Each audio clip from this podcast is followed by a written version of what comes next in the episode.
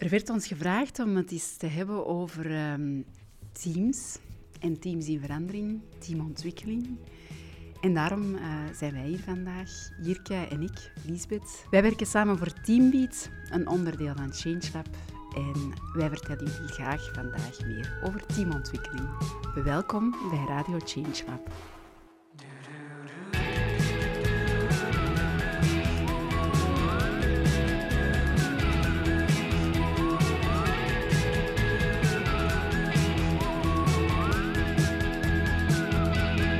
Jirka. Hallo. Lisbeth. Jirka, um, ja, teamontwikkeling, teams in verandering, is iets waar wij eigenlijk heel vaak mee geconfronteerd worden.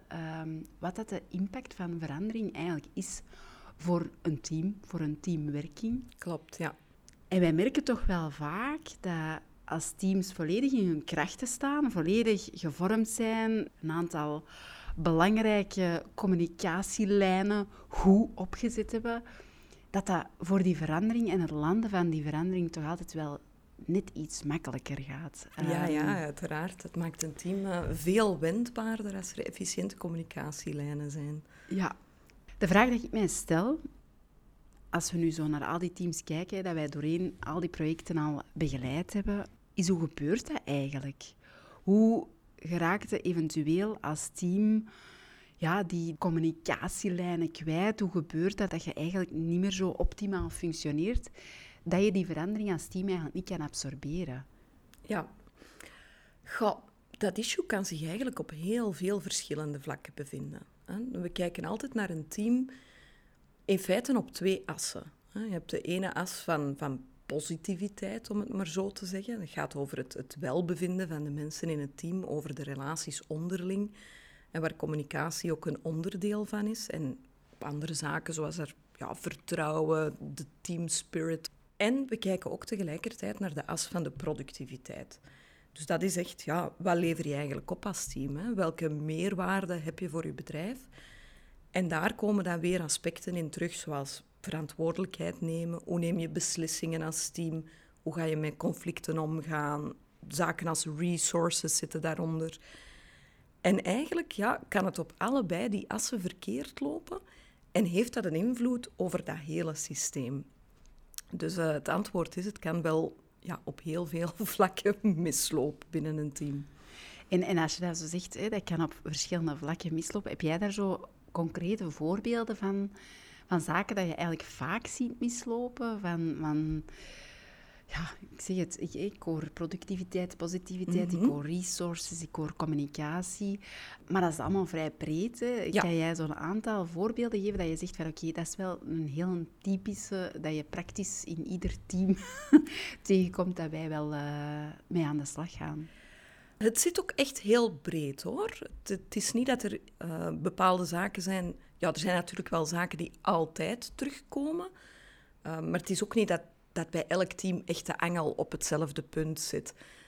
Nu moet ik wel zeggen dat doorgaans het issue zich meer op die positiviteitsas bevindt dan op die productiviteitsas. Er zijn daar uitzonderingen op. Je hebt echt van die feestteams die, uh, die kunnen geweldig goed communiceren met elkaar. Het is supergezellig. Die zijn ook allemaal om drie uur in de namiddag al weg om samen een pintje te gaan drinken. Er komt echt niet veel productiefs meer uit. Maar doorgaans is het issue eerder het, het omgekeerde. Hè? Dat teams zeer productief zijn, maar dat het hem echt schort op zaken als communicatie, conflicthantering, uh, vertrouwen is ook een hele groot waar we altijd op moeten werken. En wat je dan gaat zien is, ja, er komt veel productiviteit uit, maar mensen beginnen uit te vallen, begint burn-outs te zien, begint echt frustraties op die werkvloer te krijgen. Um, dus daar bevindt het zich toch meestal. Ja, ja want ik kan me dan voorstellen als, uh, als je als teamlead of als, als uh, ja, manager van je bedrijf eigenlijk dit hoort van oké, de productiviteit is er altijd wel, dus wat is dan het probleem? Maar oké, die zaken die je aanhoudt, zoals burn-out, uh, ja, die, die frustraties, ik kan me voorstellen dat dat op lange termijn sowieso dan wel toch nefast wordt voor die productiviteit. Ja, ja, uiteraard. Want je hebt dan eigenlijk gewoon dat mensen permanent uh, in het rood gaan en op den duur vallen die mensen op de een of andere manier uit. Hè. Ja, en dat gaat uiteraard dan weer naar uw bedrijfsresultaten. Ja, dat heeft natuurlijk zijn, zijn, financiële impact ja, ook. Ja, en wanneer, wanneer komt het dan tot zo'n traject? Dus wat, wat is voor u eventueel zo een rood licht dat, dat teamleads kunnen herkennen uh, van oké, in dit geval is het toch wel interessant om hier eens te gaan kijken uh, hoe ik met mijn team in hun ontwikkeling aan de slag kan. Dat is eigenlijk altijd interessant. het licht hoeft niet op rood te staan. Ja, oké, dat is inderdaad ook wel leuk om te horen, want dat is misschien iets waar dat mensen vaak wel aan denken, oh, het moet eerst slecht gaan voordat ik beroep doe op. Ja, ja, en helaas is, is dat in de praktijk ook vaak het geval. Hè? Dat men een beetje wacht tot uh, het spreekwoordelijke kalf al half verdronken is, eer, uh, eer ze ons opbellen. Maar in principe, ja, elk team, hoe performant dat het ook al is, kan je nog altijd een niveau hoger tillen door zo'n traject aan te gaan. En dan denk ik maar aan voorbeelden, Goh, bijvoorbeeld in de sportwereld. Er gaat niemand zeggen, we staan met onze voetbalploeg nu aan de top van de wereld. Weet je wat, we gaan die coach ontslaan. Want dat is niet meer nodig. Zo denken we niet. En eigenlijk in de bedrijfswereld zouden we ook meer die mentaliteit moeten adopteren. Ja. Oké, dus het is al leuk om te weten dat ook die zeer performante teams eigenlijk nog altijd wel uh, dat stapje verder kunnen gaan. Maar wat als je dus als teamlead ja, opmerkt dat het niet goed loopt? Wat zijn zo de, de eerste zaken dat je kan doen? Of, of, of hoe pak je dat aan? Ehm, er zijn zeker en vast een aantal zaken dat je als teamlead zelf kan doen. Hè. Je kan bijvoorbeeld er wel voor zorgen dat je een beetje een open cultuur stimuleert in je team. En dat mensen zich ook veilig voelen om, om feedback te geven, om die communicatie aan te gaan. Nu, als het issue echt diep zit, dan wordt het moeilijk om daar als teamlid zelf nog echt op in te grijpen. Omdat je zelf ook onderdeel bent van dat team, van die groep, van dat systeem. Dus dan wordt het toch wel interessant om daar extern naar te laten kijken. Ja, ja en ik, ik heb het u al een paar keer horen zeggen, zo systeem, hè, op, op een systemische manier naar een groep kijken. Kan je daar zo eens wat meer toelichting over geven? Want allee, dat is voor mij, denk ik, het hele interessante van, van zo'n groep. Hè. Die hangen inderdaad aan elkaar. Hè. Die, het, gedrag van de, van de ene beïnvloedt sowieso het gedrag van de andere. En, en ja, ik ben er wel eens naar benieuwd hoe, hoe dat jij daar naar kijkt en hoe dat jij dat kan uitleggen. Ja, daarin zijn we met Teambeat eigenlijk wel een beetje uniek in onze aanpak.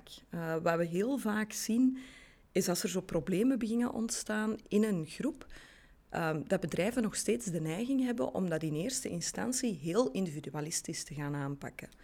Dus het zij door, door mensen individueel te gaan begeleiden, het zij op minder leuke manieren door te zeggen, ah, die rotte appel, die gaan we eruit halen. Maar eigenlijk is een team, om het maar zo te zeggen, meer dan de som van zijn delen. Uh, dus een team heeft een eigen cultuur, die kan uitgesproken zijn, die kan onuitgesproken zijn. En het is eigenlijk daarop dat je moet gaan werken. En dus ook als je daar iemand zou gaan uithalen, en je stikt daar iemand nieuw bij, binnen de kortste keren wordt die persoon geassimileerd in de cultuur van het team. Ik weet niet, je hebt dat misschien zelf ook al gemerkt, dat er zo, als je ergens in een nieuw bedrijf begint, dat er van die onuitgesproken wetten zijn waar je op termijn ook zelf aan begint mee te doen. Een voorbeeld dat ik mij nog heel goed kan herinneren, uh, is dat ik een tijdje als consultant heb gewerkt voor een bedrijf waar iedereen standaard 10 minuten te laat was voor elke meeting. Ja, na twee weken, ik kom ja. zelf ook gewoon 10 minuten later. Uiteraard, ja. Dat is inderdaad een heel typisch voorbeeld. Ik, ik, ik herinner mij ook nog zo situaties waarbij dat ze zo waarbij ze dan tegen u zeggen, ah, zo leuk iemand, nieuwe, frisse ideeën. Ja. en dan denkt je van jezelf, oké, ja, leuk. Maar je merkt inderdaad na een tijd dat die frisse ideeën vaak niet meer zo fris zijn. of dat die niet meer zo vaak komen. Dat je inderdaad toch ergens meer gaat beginnen denken als, uh, als de rest van het team. En, ja, je wordt meegezogen ja. in die cultuur. En, en dat is ook het probleem als teamlead. Zit je zelf ook in die cultuur. Ja. Uh, dus wordt het moeilijker om ja, eigenlijk dat overzicht te behouden van wat zijn die patronen nu eigenlijk. Ja. En, en als je dan zo zelf je taak hebt, want oké, de teamlead zit mee in dat systeem, dus ik Mhm. vind dat heel logisch dat het dan moeilijk is om nog die klare kijk volledig te behouden. Eh, als er zich echt een, een, een issue eh, voordoet in, die, in dat team. En wat maakt dan uw rol als, als facilitator, als teamfacilitator, zo anders, zo belangrijk in, in zo'n proces? Goh ja, de frisse kijk natuurlijk. Voilà. je, je zit niet mee in dat systeem. Ehm en bent er natuurlijk ook op getraind om die patronen te gaan herkennen. Hè. Ja. Dus het is eigenlijk de bedoeling dat je naar dat team toe die, die patronen gaat benoemen. Het team echt een spiegel gaat voorhouden. En ze gaat faciliteren om daar zelf oplossingen voor te bedenken. Dat is ook het mooie aan die systemische aanpak. Is dat je eigenlijk... Ja, niemand krijgt de schuld. Maar ook niemand kan zich onttrekken van de verantwoordelijkheid. Want op zijn minst ehm, ben je als teamlid een bepaald gedrag aan het toestaan. Hè? Ook al stel je het zelf niet. Je ziet soms dat mensen zeggen, ja, hier wordt geroddeld, maar ik doe dat niet hoor. Ja, maar wat doe je als iemand tegen jou roddelt? Hm. Dus op die manier ehm, ja, kom je gewoon tot een heel ander soort gesprek. En dat is hetgeen dat ik als facilitator moet bewaken. Ja, en wat ik me dan afvraag als ik dat hoor, hè, want inderdaad die frisheid hè, en bepaalde typen van, van, van gedragingen blootleggen eh, binnen een team, dat is één zaak. Hè. Maar wat als dat deel is van de hele organisatie, dat type gedrag? Ja, Hoe gaat het daar dan mee verder? Want uiteindelijk, ja, je, je kan dat team wel hè, eh, door dat traject meenemen. Mhm. Je kan dat team daar bewust van maken. Maar als je bij wijze van spreken dat team terug in die vervuilde cultuur zit, hè, wat doe je dan? Hoe, hoe, hoe kun je daarmee aan de slag? ja, ja, dat is vaak een probleem. Hè? Want dat team is uiteraard niet in een, niet in een vacuüm ontstaan. Nee. Ehm, ja, hoe kan je daarmee aan de slag? Ik kan daar best als organisatie bewust van zijn. Hè? Dat wij wel een team kunnen gaan begeleiden, maar dat we dat inderdaad gaan terugplaatsen in een groter systeem dat mee voor de, voor de ontwikkeling van die bepaalde cultuur heeft gezorgd. De ideale methode, als ik zou mogen kiezen, is dat we bovenaan beginnen. Dat als je aan je teams wilt werken in je organisatie, dat je eerste team waar je mee aan de slag gaat, je managementteam is. Een beetje zoals in een gezin. Hè? Dat zijn de, de ouders van het gezin. En eigenlijk moeten die het, het goede gedrag, de goede cultuur modelleren naar de kinderen of de werknemers toe. En is dat toch een andere benadering als je zo met zo'n ehm, een directieteam bijvoorbeeld aan de slag gaat? Merk je dat dat moeilijker is? Of is dat... In principe blijven die, die principes hetzelfde. Hè? Dus eh, op zich is er qua aanpak niet zo heel erg veel verschil. We merken wel dat er soms wat weerstand is om, eh, om daarmee te beginnen. En wat voor weerstand is dat dan? Goh, ja, het het gaat vaak over een tijdsgebrek. Dat is iets dat we heel vaak terug horen. En, en ook, ja, de, de focus ligt meer op die andere teams. En Ja. er is vaak de wens van, ja, maar zorg nu dat dat eerst verandert, want die teams, dat is de motor van ons bedrijf en daar stropt het momenteel.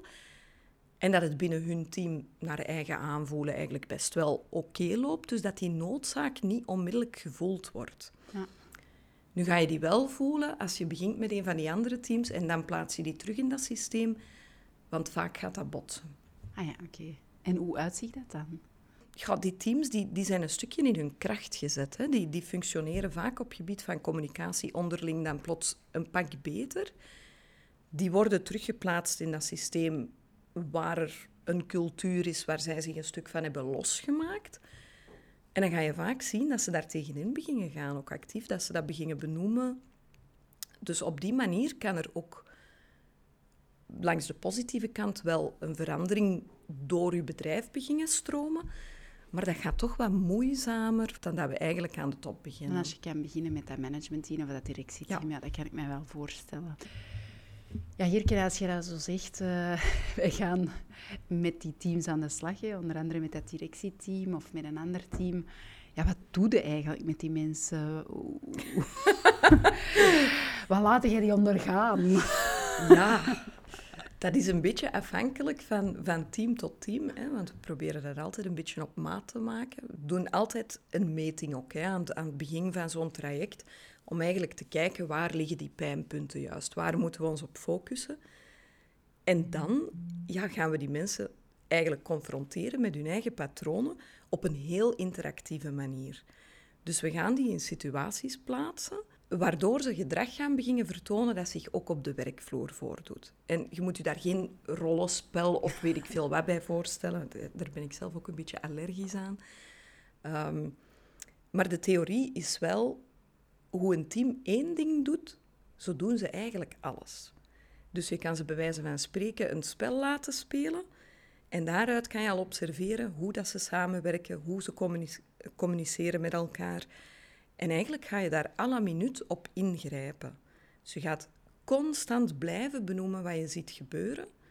En aan het team ook ja, die spiegel voorhouden van hoe kan het eigenlijk anders en waar loopt het precies mis. Ja, want ik kan mij zo voorstellen dat... Ehm, maar dat is wanneer je dat als teamlead zou willen aanbrengen. Stel nu dat je zo'n team hebt en je wilt toch proberen hè, bepaalde zaken bloot te leggen vanuit de rol van leidinggevende dan, dat dat heel snel wel ja, een beetje in een wel eens niet verhaal gaat gaan over zeer praktische dingen. Ja. Ja. ja, maar, ja, maar jij bent degene die altijd uh, op maandag verlof neemt. En ik, ik, ik, ik, daardoor kan ik nooit op maandag verlof nemen. Of mm -hmm. jij bent degene die een telefoon nooit opneemt, terwijl ik tien telefoons per dag meer. Allee, dus ik kan mij voorstellen dat dat bijvoorbeeld een valkuil is als een leidinggevende dat aanpakt, dat dat toch wel echt wel op dat praktische... Hoe, hoe zorgen jullie daarvoor dat dat... Oh, dat is ook een valkuil als facilitator, ja, om daar niet in meegezogen te raken. Ja. Um, omdat teams... Ja, mensen zijn die systemische aanpak ten eerste niet gewoon. Dus die zijn echt gewend om alles terug naar dat individuele te willen trekken. En anderzijds vervallen ze ook heel vaak in details. Ja. dat ze echt over heel praktische zaken beginnen communiceren, over processen binnen het bedrijf zelfs soms, waar jij als facilitator niks van weet, geen invloed op hebt. En het is de bedoeling van altijd terug dat stapje dieper te gaan, om te gaan graven, maar welk patroon zit hieronder? Um, welke perceptie zit hieronder? Welke communicatie zit hieronder?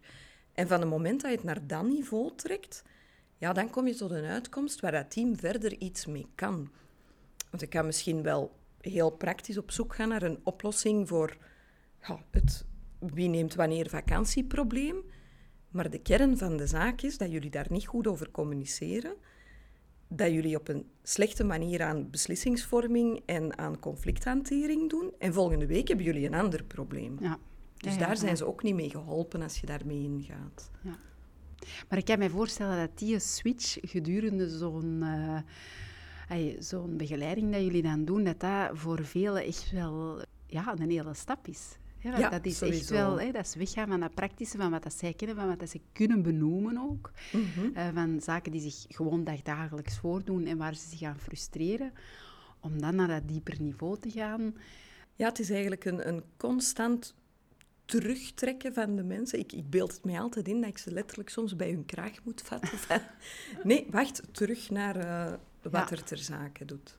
En Jirka, wanneer merkte dan dat die teams effectief doorhebben dat het niet over die pure kleine praktische dingen gaat. Allee, en ik, ik, wil het nu ook niet minimaliseren, hè, want die pure kleine praktische dingen, dat zijn uiteraard, hè, dat beïnvloedt het dagelijkse werk in mijn en die zijn er. Die zijn er en die zijn eigenlijk ook wel belangrijk op hun manier. Maar zoals je zelf zegt, daar ligt eigenlijk veel meer uh, onder. Daar ligt een gebrek aan, of een, een gebrekkige communicatie, of een gebrek aan communicatie, mhm. of inderdaad het niet willen opnemen van bepaalde verantwoordelijkheid. Dus daar liggen diepere zaken aan de basis. Maar wanneer merkt je dan dat een team dat doorheeft? Van, ah, maar er is hier eigenlijk een fundamenteeler probleem dan puur ik die op maandag nooit verlof kan nemen. Ik denk dat je dat merkt aan hoe een team met die kleine praktische dingen omgaat. Na een, een teamcoachingstraject zie je vaak dat, dat het dan ook echt over dat praktische onderwerp gaat. En dat die emotionele lading eraf is, dat die frustratie ervan af is, want die is eigenlijk uitgesproken geweest. die kunnen ze nu communiceren hoe die hoort gecommuniceerd te worden, rechtstreeks en transparant. En daardoor wordt een vraag als, ja, kan ik mijn verlof die dag zetten of al dat niet, wordt dat ook echt alleen maar die vraag. Ja, en dat herken ik wel, want dat is inderdaad zo dat moment dat je eigenlijk ja, dat een vraag gewoon maar een vraag is. En dat daar, dat daar niet die, die lading emoties aanhangt van ze is daar weer met haar en het is altijd dit en het is altijd dat. Zo wanneer dat, dat echt gewoon puur een vraag wordt en je daar ook gewoon een concreet feitelijk antwoord op krijgt. En dat je ook voelt dat dat niet na dat gesprek een eigen leven gaat leiden. Ja, eigenlijk kan je, het, kan je het wel een stuk samenvatten door te zeggen dat die communicatie gewoon veel ja, efficiënter verloopt en meer to the point wordt. Ja, dat herken ik wel. ja, allemaal uh, super interessant natuurlijk, hè, Jirka. En, en als jij nu zo voor jezelf drie zaken zou willen meegeven, wat zijn zo de zaken dat je zegt van oké, goed, teamontwikkeling, werken aan, aan de basis in een team. Mhm. Wat zijn de drie zaken dat jij zou willen meegeven? Oh, moeilijk kiezen, hè? um, ik denk dat ik als eerste misschien het systeemmisdenken toch wel wat voorop zou willen stellen. en maak niet de fout van te denken, um, die ene persoon die is wat moeilijker of die is wat luider, vocaler dan, uh, dan de rest van de groep. We gaan die er gewoon uithalen. In de praktijk, dat werkt meestal niet. Dus focus u echt op de cultuur van uw team en de patronen die zich daarin afspelen. Um, besef ook altijd dat jij zelf onderdeel van het systeem bent. Of dat je nu de teamlead bent, of de CEO, of dat je bij HR werkt. Dan zit je in het ruimere systeem. Maar je bent onderdeel van het systeem en je draagt dus ook zelf een verantwoordelijkheid. Dat, dat is ook wel een goede om mee te geven. En wat je zelf al kan doen, is misschien vooral het, het stimuleren van een open cultuur van feedback in je bedrijf.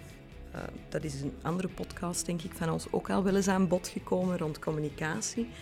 Maar probeer toch vooral een gevoel van veiligheid te creëren, zodat mensen het gevoel hebben dat ze die feedback mogen en kunnen geven.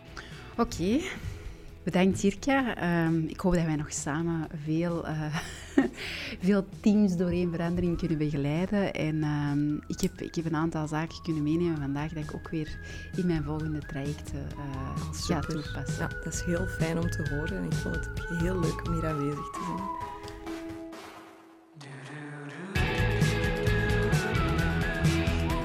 Bedankt om te luisteren naar Radio Changelab, een podcast van Changelab. De samenvatting van ons gesprek vind je op onze website www.changelab.be. Wens je graag ondersteuning bij je organisatieverandering? Of heb je zelf een case die je graag eens aan bod zou willen horen? Stuur dan zeker een mailtje naar info.changelab.be. Tot de volgende aflevering. Als jij erbij bent natuurlijk. Change management, wie heeft dat nu nodig?